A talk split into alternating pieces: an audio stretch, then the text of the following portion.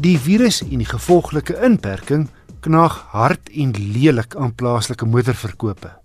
Net 574 eenhede is verlede maand verkoop teenoor die meer as 36000 in April verlede jaar. En net 901 voertuie is uitgevoer in vergelyking met 'n jaar gelede se byna 33000.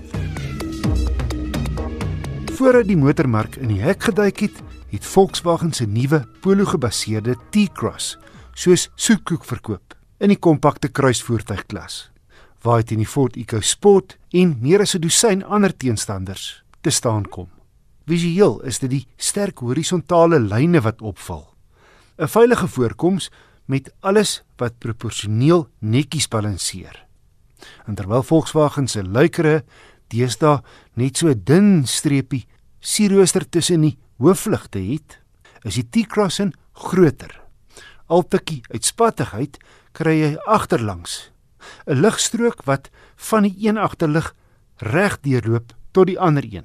Die T-Cross is net oor die 4,2 meter lank wat hom 'n bietjie langer maak as jou nuwe geslag Volkswagen Polo. Maar hier's bedrieglik baie spasie binne. Omdat die daklyn hoër is as die van die Polo, voel hy lekker ruim voorlangs. Wat handig is, is dat die agterste sitplek vorentoe en agtertoe kan skuif met die bank op sy heel agterste posisie gestel en ek die voorste sitplek vir my 1,92 meter lange lyf gestel het kan ek agter myself sit sonder dat my knie die voorste sitplek raak of my hare die dak kilie en die bagasiebak is heel billik hier's 'n volgrootte spaarwiel heel onderin en waarvan ek hou is die bodembedekking kan jy hoorstel as jy wil indien jy goed wil skei of minder sigbaar maak.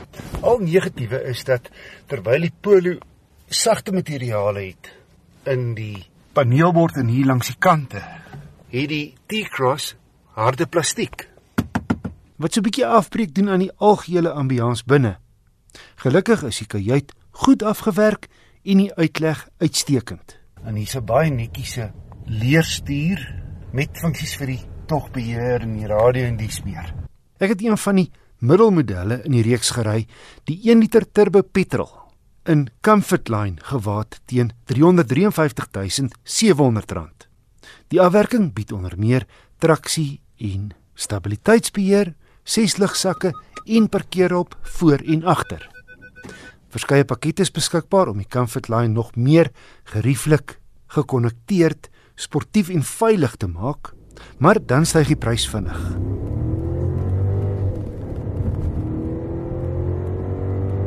Die turbo-aangejaagde 1000cc 3-silinder stoot 85 kW en 200 Nm wrinkrag uit.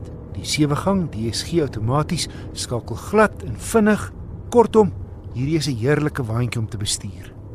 Sy tank is 'n beskeie 40 liter, maar ek het 'n indrukwekkende 6,2 liter per 100 km op my stad en ooppad siklus gemeet, wat neerkom op 645 km op 'n voltank.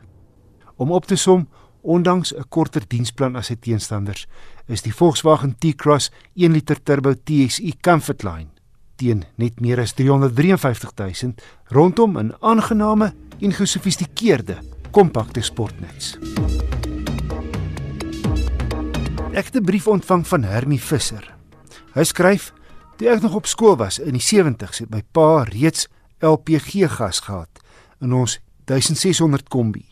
Petrol was nie te koop op naweke nie en met hierdie toestel kon ons plaas toe en terug sonder om op te vul. Die dienste was ook verder uitmekaar omdat die engine olie skoner en vonkproppe langer gehou het. En hy vra hoekom is daar nie meer volstasies waar gas gekoop kan word nie Waarom is die voertuiginstallasiekoste so hoog? En dan as koolstofbesoedeling so 'n belangrike faktor is, waarom word gas nie meer gebruik nie? Kom ons hoor hoe antwoord Nicolou. Hy is die tegniese konsultant by Kaarttydskrif en die besigheid ontwikkelingsbestuurder by SVU gepantserde voertuie. Daar was 'n interessante vraag van Hermie en um, ek het toevallig op my universiteit so daar was daar 'n projek gewees waar ons 'n Toyota Condor omgeskakel het om op LPG gas te loop dan Maar hoekom sien ons dit nie meer in Suid-Afrika nie? Ek dink ons moet eerstens kyk na die koste. LPG in Suid-Afrika is redelik duur. Jy betaal so R28 per kilogram. En nou net as jy dit wil uitwerk in liter, daar gaan 2 liters LPG in 1 kg. So mens werk so omtrent teen R14 per liter, wat nou 'n bietjie duurder is as jou brandstof op die oomblik en veral met die verlaging wat ons nou gaan kry is dit heelwat duurder dan.